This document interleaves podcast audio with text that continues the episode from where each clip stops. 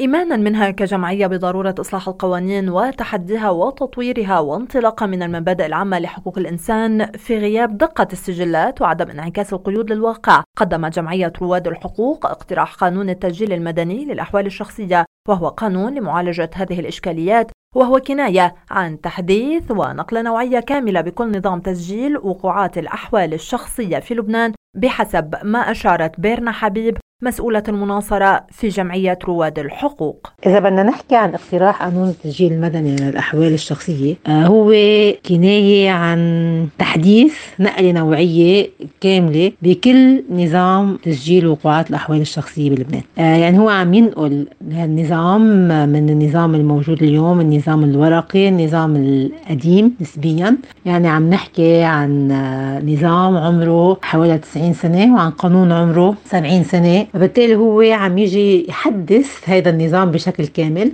هذا وأشارت حبيب إلى أن هذا الاقتراح يقدم نظاما جديدا ومكننة كاملة لمسار الاستحصال على البيانات الفردية ومكننة للسجلات وأضافت أن الاقتراح يقدم لكل فرد كيانا قانونيا فرديا خاصا به. اقتراح شامل متكامل بيشمل كل أنواع الوقوعات بيشمل كيفية الاستحصال على بيانات بالوقوعات بيشمل حماية الوقوع البيانات بيشمل العقوبات اللي بتفرض على الموظفين اللي بيتقاعسوا عن القيام بواجباتهم بالتصريح بالواقعات وكمان في حال إفشاء الأسرار وعدم الحفاظ على سرية البيانات والسجلات. كمان هيك نحن بندعي المستمعين إنه يزوروا صفحات التواصل الاجتماعي للاقتراح آه، اللي هي تحمل عنوان حملة إقرار آه، قانون التسجيل المدني للأحوال الشخصية. حتى يطلعوا على الاقتراح. هذا ويضع هذا الاقتراح ضمان منهجية قيد وقوعات البيانات الشخصية وتحديثها بحسب حبيب التي أشارت إلى أن الدولة ستصبح مسؤولة كمؤسسة عن هذه الملفات.